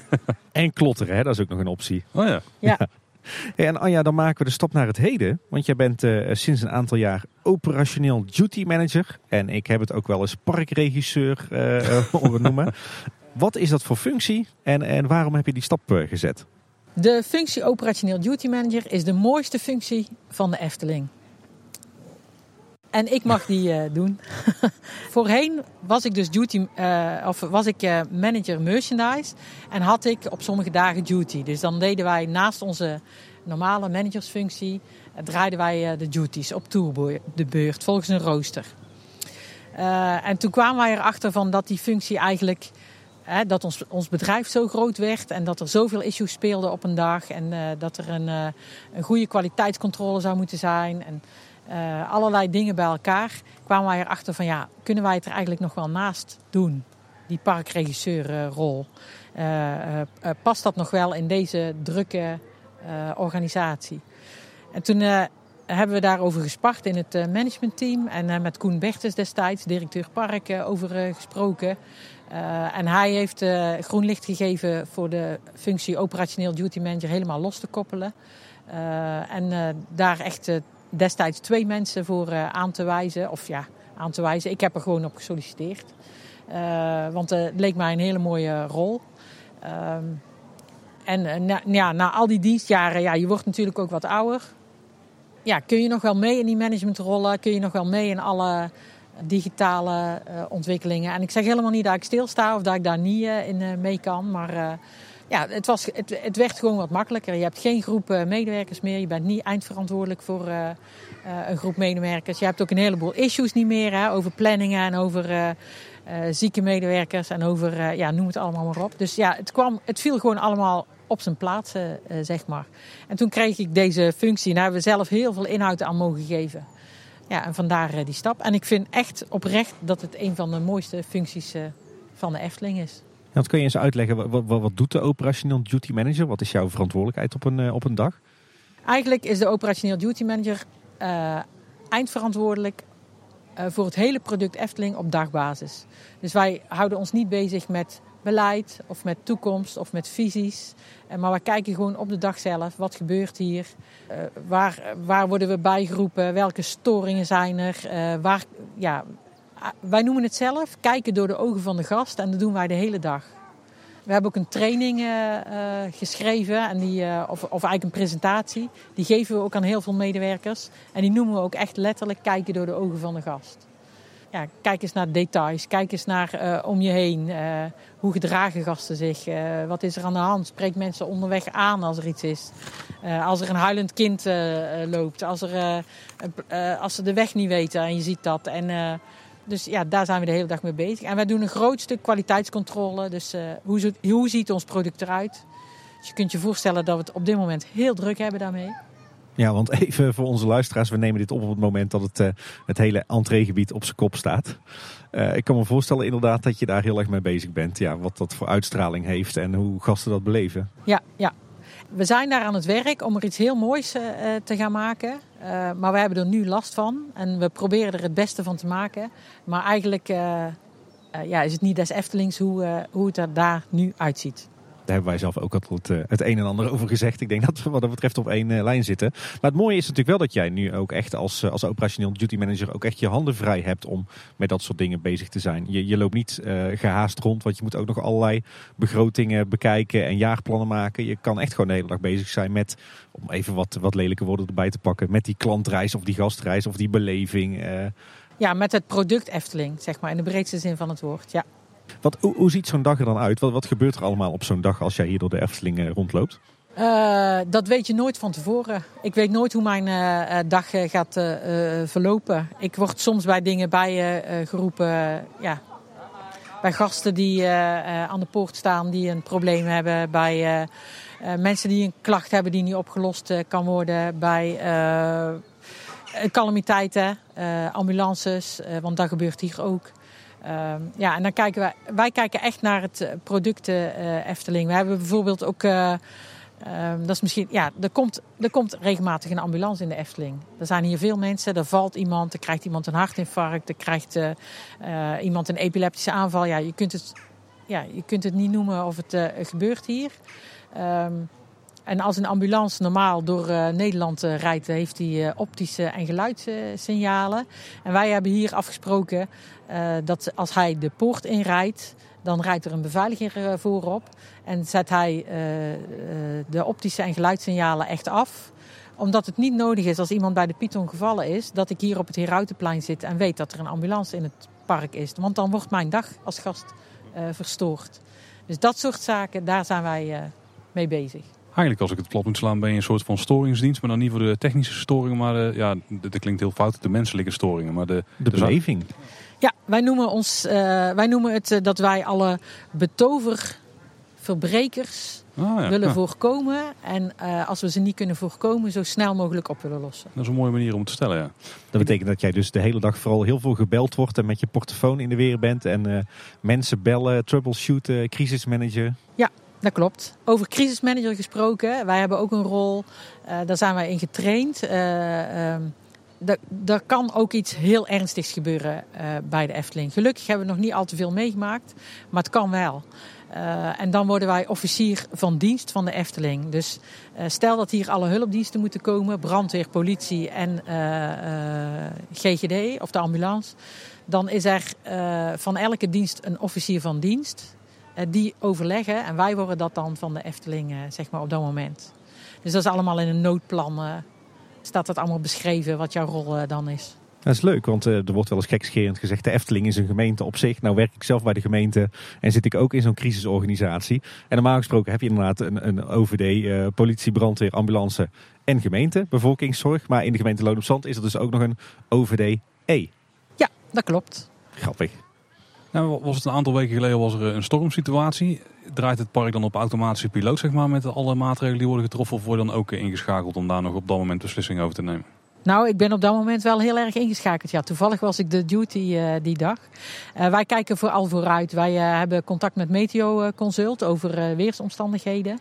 Dus wij zitten eigenlijk de dag ervoor ook al. ja, nemen we al maatregelen. Bijvoorbeeld zeilen van bouwhekken afhalen, omdat het anders omwaaien en op mensen terecht kunnen komen. Uh, en op die dag zelf uh, volgen we alles uh, helemaal. En uiteindelijk heb ik het besluit genomen om het park te gaan ontruimen die dag. Dus dat is ook een hele verantwoordelijke ja. functie eigenlijk. Ja, dat zegt men. Ja. Nou zitten we hier een interview op te nemen en we hebben één keer het moment dat jij bent gebeld hebben erin gelaten. Maar je bent meermaals gebeld, dus we weten hoe het een beetje hier aan toe gaat. Volgens mij is het een, een, taak die jou echt op het lijf is geschreven. Want volgens mij is het heel belangrijk dat je die 40 jaar Efteling ervaring hebt opgebouwd. En weet hoe de organisatie in elkaar steekt, welke mensen er rondlopen. Want volgens mij ben je ook continu mensen aan elkaar aan het koppelen om de problemen op te lossen. Ja, dat klopt. En ik heb nog twee collega duty managers. En gezamenlijk hebben wij nu, even kijken, 41, 82, 100, meer dan 100 jaar in ieder geval Eftelingen ervaring. Ja. Netjes, ja. ja. Want volgens mij is een, een andere duty manager is ook een oud manager, Jos van Schijndel. Ja, dat klopt. En wie is de derde? Leni Koenen. Ah, ook een oude rot in het vak. Ja, precies. Dus, uh, en wij zijn ook eigenlijk van mening dat deze rol gedaan kan worden door iemand met heel veel Efteling-ervaring. De Efteling is best wel een uh, ingewikkeld uh, bedrijf om te leren kennen. Daar, daar, kom ik ook achter als we nieuwe medewerkers uh, krijgen. Sommigen komen ook echt binnen van, nou, binnen drie maanden ga ik het hele bedrijf leren kennen. Daar doe je echt een jaar over, als het niet langer is. en inderdaad, om al die mensen aan elkaar te kunnen koppelen en de dingen bij de goede afdelingen weg te leggen, heb je gewoon ja, veel ervaring nodig. Ja, het is niet een functie waar je een vacature extern voor kunt openzetten. Want dat, dat is gewoon Zomaar niet, denk ik. Maar... Nou, dat denk ik ook niet als ik zo hoor. Nee. Maar het mooie vind ik wel, Paul, jij zei net dat Anja is heel erg veel uh, tussendoor aan het bellen en met de porto en regelen. Maar ik bespeur geen, uh, geen spoortje stress bij jou. Je bent heel relaxed, je blijft rustig en netjes. En uh, dat is dus ja. ook belangrijk voor die functie. Ik denk dat dat inderdaad voor deze functie ook wel belangrijk is, ja gewoon rustig blijven en dan krijg je het meeste opgelost. Ja. En jullie zijn met z'n drieën. Uh, betekent dat ook dat er een soort rooster is waarmee ervoor gezorgd wordt dat er ten alle tijden als het park open is een, een parkregisseur of een operationeel duty manager aanwezig is? Ja, sterker nog, die is er ook s'nachts. Uh, wij zijn, uh, als wij duty zijn, 24 uur bereikbaar. Dus de porto gaat om 6 uur of ja, na sluitingstijd in ieder geval uit. Maar telefonisch blijf je bereikbaar. Want wij hebben natuurlijk ook onze verblijfsparken waar mensen ook s'nachts aanwezig zijn. Ja. En daar zijn jullie ook verantwoordelijk voor? Ja. Zo. Nou, nou, weet ik uit mijn tijd dat de rijke managers en de duty altijd heel druk bezig waren met uh, wanneer zijn alle attracties open, wanneer worden ze afgesloten, wanneer gaat een attractie in storing, wanneer is een storing weer opgelost. Is dat ook een taak die tegenwoordig nog bij, uh, bij jullie ligt? Ja, ja, die worden allemaal bij mij uh, gemeld. Dus vandaag is alles op tijd open. En gaat het nog allemaal ouderwets over de porto of heb je daar een of andere hippe app voor? Uh, ja, ik kan natuurlijk in het uh, WIS kijken. We hebben een WIS voor onze gasten, maar ook voor onze gewoon interne gebruik. maar als er iets, de, de, als er een betoververbreker is, dus als er een, iets, een attractie of opening van een attractie verstoort, dan wordt die gemeld bij ons. Kijk, WIS is denk ik het wachtrij-informatiesysteem. Ja, klopt helemaal. Sorry. ook jouw vaktermen. Anja, een van de dingen waar je ook mee bezighoudt is het begeleiden van de Prisma-medewerkers die bij de Efteling rondlopen. Kun je daar eens meer over vertellen? Ja, Prisma-medewerkers, zo, dat is ook eigenlijk vakjargon. Maar wij hebben een grote groep mensen met een verstandelijke beperking die bij ons werken. en daar ben ik eigenlijk ook heel langzaam aan ingegroeid. Er is er, de eerste is ooit bij mij in de winkel in Efteldingen begonnen. Inmiddels zijn dat een aantal mensen die in het park zitten, zeg maar, in een winkel of restaurant. Uh, maar we hebben ook groepen. Uh, we hebben in het Loonse Land een groep uh, die de kinderboerderij bijvoorbeeld bijhoudt en wat groen onderhoudt, wat schoffelt, wat papier wegknijpt. We hebben hier in de Efteling een kleine groep, die doen eigenlijk zo'n beetje hetzelfde werk. maar die hebben dus ook de verantwoording gekregen over alle hollebolle gijzen. Dus die worden elke dag gepoetst, zeg maar. En alle paddenstoelen in het Sprookjesbos poetsen zij elke dag. Uh, dus die hebben echt uh, hele specifieke taken. De kleine groep noemen we die. En dan hebben we nog een groep pakhuis. Die zitten in, een, uh, in het stuurhuis op dit moment in een ruimte. En die zijn daar onder begeleiding van een Prisma-begeleider de hele dag bezig met ja, klusjes. we zitten op het Herautenplein. Zij doen het duivenvoer in de zakjes. Oh, ja. pizzadozen vouwen voor Bosrijk en het Loonse Land. Dat doen zij. Dus dat soort uh, werkzaamheden. Wat voor die mensen gewoon heel belangrijk is. Want zij mogen bij de Efteling, uh, zij werken bij de Efteling. Ja, maar doen ook zeker mooie dingen. Ja, ja, en echt een voorbeeld van maatschappelijk verantwoord ondernemen natuurlijk. Ja, ja, wat ook voor de Efteling heel belangrijk is. Is er ook nog zoiets als het, uh, iets wat er in mijn tijd was en wat ook heel belangrijk was, trefpunt? Uh, trefpunt is er niet meer. Uh, dat was, uh, trefpunt is het begeleiden van onze zieke medewerkers, zeg maar. En dat wordt nu vooral gedaan op afdelingen zelf. nog even terug naar jou, jouw rol als, als operationeel duty manager. Ik kan me voorstellen dat jij van alles meemaakt iedere dag. Zijn er zo van die, van, die, van die momenten die je echt nog kan herinneren, omdat ze heel grappig waren of heel mooi of juist misschien ook wel heel vervelend? Ja, er zijn, er zijn elke dag mooie momenten. Maar ik kan ook echt genieten van uh, als een kind heel blij is in de Efteling. Uh, dus dat, kunnen ook de, gewoon de kleine uh, dingen zijn. En soms kun je gewoon iets betekenen voor iemand. Iemand die met een lekker band naar de Efteling komt. En ja, zorgen dat die band gerepareerd is als hij weer naar buiten gaat bij de Efteling. Of ja, vroeger noemden we dat verraste gastenmomenten. Dat weet jij waarschijnlijk ook nog wel. Daar werd er ingestampt op Frans, ja. Ja, de, ja, er zijn heel veel mooie momenten. Eigenlijk is de hele dag uh, een aaneenrijgen van, uh, van mooie momenten. Zeker als het met dit weer is. Absoluut. je de mooiste functie van Efteling steeds beter te begrijpen. Ja, ja, ja. ja, ja, Hey, eh, je had het net al even over een van jouw nevenfuncties, het begeleiden van de mensen van Prisma. Maar zo heb je er in de loop der jaren nog meer gehad. Want je hebt ook hier in de ondernemingsraad gezeten. Ja, ja ik ben lang voorzitter van de ondernemingsraad geweest.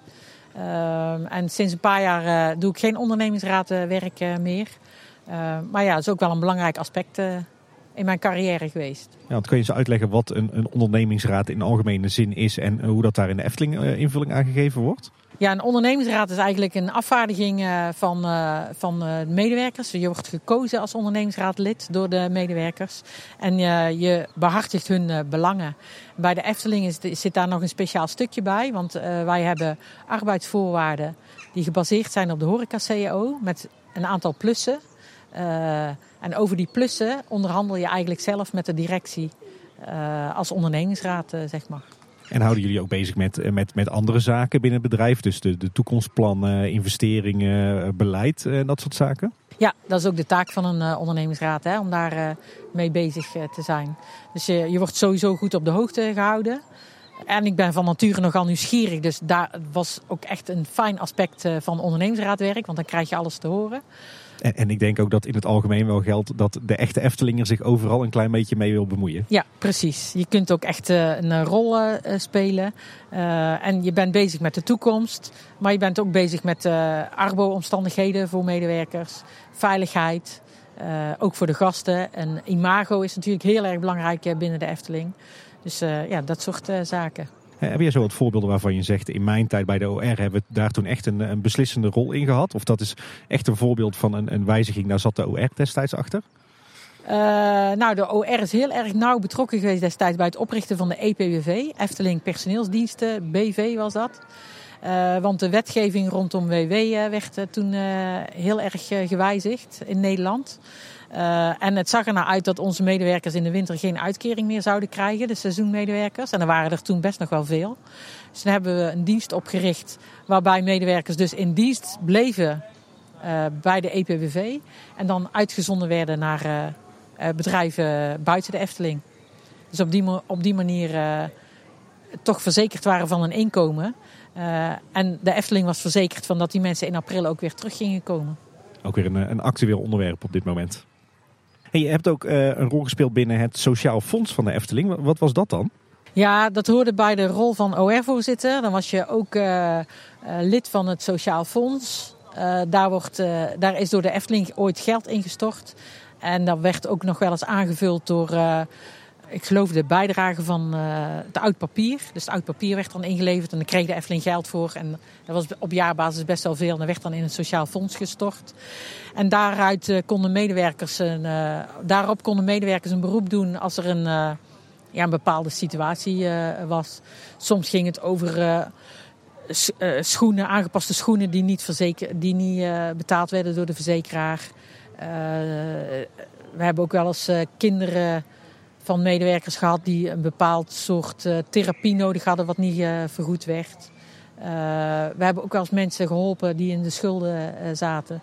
Dat soort zaken. De Efteling is altijd een heel sociaal bedrijf geweest en gebleven. En ja, dat soort dingen regelen ze ook voor medewerkers. Ja, mooi. Ja, dat is uh, niet bij uh, ieder bedrijf uh, heel normaal. Nee, nee, heel mooi. Misschien even terugkijken op jouw carrière, Anja, en dan een beetje op hoger niveau. Wat zijn nou wat jou betreft de, de interessantste ontwikkelingen geweest binnen de Efteling van de afgelopen 41 jaar? De verandering van doelgroepen, zeg maar. Met de Python hebben we natuurlijk een hele nieuwe doelgroep aangesproken. Ik denk dat dat ook de redding is geweest van de Efteling. maar het mooie is dat we nu wel weer terug zijn bij die families, zeg maar. We bieden voor elk wat wils. En dat is ook heel mooi om te zien dat bij verblijf bijvoorbeeld in Bosrijk heel vaak opa en oma met kinderen en kleinkinderen komen. Want we bieden gewoon een product wat voor die hele groep aantrekkelijk is. Dus ik denk dat dat een van de mooiste ontwikkelingen is geweest. En ook wel een noodzakelijke ontwikkeling. En als je terugkijkt op jouw, jouw loopbaan van ruim 41 jaar bij, de, bij de Efteling, zeker als je je vakantiewerk meetelt. hoe kijk je dan terug op die 41 jaar? Hoe heeft jouw loopbaan zich ontwikkeld? Nou ja, met de ontwikkeling van het bedrijf heb ik mee mogen ontwikkelen, zeg ik altijd. ik heb trainingen, cursussen, opleidingen mogen doen. en ik, ja, ik ben zelf gewoon, ik heb een hele, ik kijk echt terug op een hele mooie carrière waarin ik veel heb mogen doen en mee heb mogen ontwikkelen met, met het bedrijf. En als je een blik in de toekomst werpt, jouw eigen toekomst binnen de Efteling? Uh, ja, ja. Hebt de mooiste baan al, hoor ik net. Ik heb de mooiste baan. Uh, daar wil ik echt nog wel een paar jaar blijven doen. Ja, de pensioenleeftijd is tegen de tijd dat ik ga 68 volgens mij. Ik word dit jaar 60.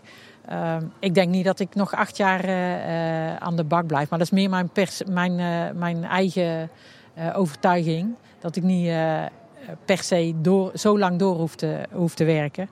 Ja, en hoe het verder hoe het gaat. Ik denk dat de Efteling zich ook alweer ontwikkelt. Uh, misschien nog een organisatiewijziging eraan komt. ja, weet je, dan kijk ik gewoon hoe het gaat en hoe ik daar nog in pas. Ja, misschien hebben ze weer een probleem en hebben ze jou ergens nodig. Zou ook kunnen. Ja, Mogen ze altijd vragen. Want blijven ze jou hier terugzien, ook na jouw pensionering? Ja, ik denk het wel. Ja, ja. Ja, het is een mooi bedrijf, het is een mooi eh, product. En, uh, Jij wordt een Efteling gouden ouwe. Dat durf ik nog niet zeker te zeggen. Als je nou terugkijkt naar jouw eh, loopbaan tot nu toe, hij is natuurlijk nog niet afgelopen. Wat zijn dan wat jou betreft de absolute hoogtepunten geweest? Uh, ja, sowieso de ontwikkeling. Maar ik denk dat Parkplan 99 en mijn, uh, mijn uh, nieuwe functie als assistent rijkenmanager wel een hoogtepunt is geweest. En ook een zetje voor mijn totaalcarrière is eh, geworden. Ja. Met hele toffe medewerkers onder je natuurlijk. Ja, precies. Die ook nog zelfs hebt aangenomen op de carousel. Ja, precies. Hey, en uh, we vragen altijd naar je, naar je hoogtepunt, maar er staat ook tegenover dat we altijd vragen: uh, is er ook een dieptepunt in je carrière bij de Efteling? Uh, ja, daar heb ik. Ja, de, de, ja en dan is hij eigenlijk heel recent. ik vond corona en de lockdowns en ons park gesloten. En als ik hier liep zonder gasten. dat is voor mij echt wel een dieptepunt geweest. En daarnaast heb ik in die 41 jaar ja, ook wel collega's verloren. Hè. Volgens mij heb ik het al eerder genoemd. Ja, en dat zijn ook wel dieptepunten, zeg maar. Je hebt al heel veel mooie herinneringen en anekdotes met ons eh, gedeeld. Zijn er zo nog, nog wat, wat leuke, gekke dingen die je met ons wilt delen, die je in die 41 jaar hier hebt meegemaakt? Ja, elk, ja je maakt altijd wel grappige dingen mee. we hebben ooit één keer, toen was nog op de oude ingang West. Daar kwam een Belg aan de kassa. Die kocht een kaartje. En die kwam toen naar de winkel. En waar hij, waar hij naar binnen moest, en uh, toen zeiden wij van ja, die kant op lopen en dan bent u in het park. En die man die werd echt helemaal wit rond zijn neus. Die begon te stamelen en die zei van ja, maar, maar, maar, maar, moet ik dan hier te voet naar binnen? Want die dacht namelijk dat hij bij het safaripark Beekse Bergen was. Dat hij tussen de leeuwen moest gaan lopen. Dat is wel een schitterend momentje. Ja, verkeerde afslag genomen. Wat we ook altijd vragen, Anja, is: zijn er uh, zo bepaalde collega's uh, waarin, jij, uh, waarin jij ontzettend goede herinneringen hebt, of waarvan jij zegt: in de afgelopen 41 jaar zijn die echt van groot belang geweest voor de groei van de Efteling en het succes van de Efteling, die we zeker niet onvernoemd mogen laten? Nou, daar moet ik eens even over nadenken. Maar ik denk dat ik niet echt iemand wil benoemen. Weet je, al mijn collega's zijn mij dierbaar. En uh, wat je ook doet bij de Efteling, hè, of je nou uh, directeur bent of uh, in de magazijnen werkt of bij de toiletten staat. we maken het product allemaal samen. En ja, ik ben iedereen, iedereen dankbaar voor loyaliteit en voor, ja, voor trouw. En ja, we zijn gewoon één grote familie. Ik denk dat jij dat ook nog wel weet en daar blijven we. Ja, ik heb nog steeds wel eens dat mensen bij de ingang vragen: Oh ja, jij bent toch die ene van kantoor? Terwijl ik al, uh, wat zal het zijn, 16 jaar weg ben. Dus dat kan je nagaan. En dan gaan we naar de uitsmijters, een beetje de afronding van de aflevering. En dan vragen we ons eigenlijk heel de tijd al af, nou misschien ook wel niet. U werkt bij de Efteling, maar ben je ook liefhebber van het park? Ik vind het een heel mooi park. Dus in die zin ben ik wel liefhebber. Uh, ik bezoek het niet heel vaak. Uh, maximaal één of twee keer per jaar, denk ik. Want ja, je loopt hier al eh, de hele week. En, eh, Eigenlijk, eigenlijk ben je als operationeel duty manager eh, iedere dag al, een klein beetje ja, vaste ja, Ja. ja. Ja, En mijn man zegt ook altijd dat hij met mij niet normaal, normaal door de Efteling kan lopen. Dus uh, daar geloof ik graag. Ja, dan een vraag waar we het antwoord eigenlijk wel op weten. Maar dan hebben we in ieder geval hier samengevat aan het eind van de aflevering. Wat is jouw favoriete plekje in de Efteling? Mijn favoriete plek is het Sprookjesbos. Want daar liggen echt de roots van het hele bedrijf. Hier is het begonnen. Dus, uh... een bepaalde plek in het Sprookjesbos? Ja, het antwoord weet ik maar. Ja, ik vind het Herautenplein waar we nu zitten echt... Uh, zeker in dit zonnetje, dan... Uh... We zitten hier niet voor niks, hè? We zitten hier al twee uur lang in, uh, in een blakend zonnetje. En eigenlijk pas het laatste half uur beginnen de bezoekers te komen. Dus dit was een prachtige start van de dag. Hey Anja, heb jij naast een mooiste plekje in de Efteling ook een favoriete attractie in het park? Ja, ja nou twee eigenlijk. Uh, Fata Morgana en Droomvlucht vind ik wel heel mooi.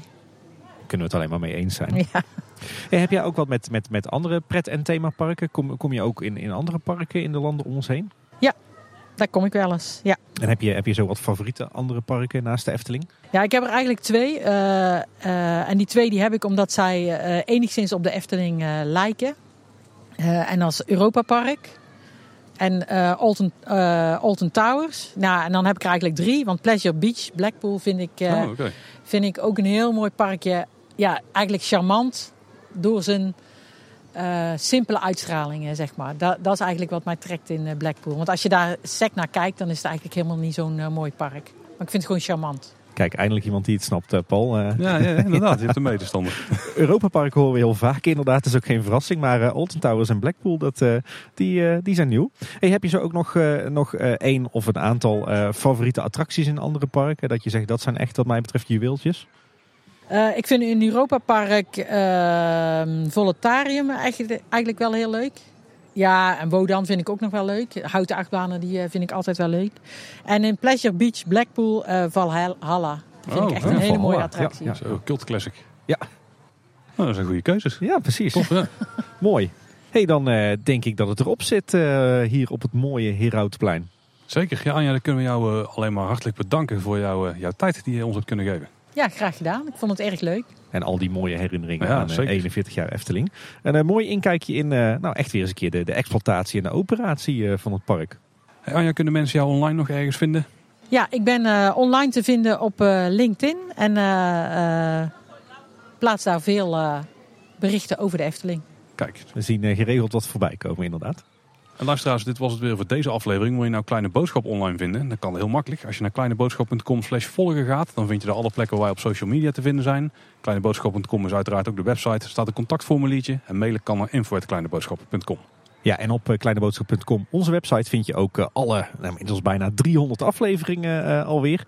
Met alle relevante show notes, de linkjes bij de afleveringen. En verder luister je ons in alle mogelijke podcast apps, op Spotify en natuurlijk op de website. En laat zeker ook een reviewtje achter als ergens kan. Vergeet je niet te abonneren op Kleine Boodschap in je podcast app.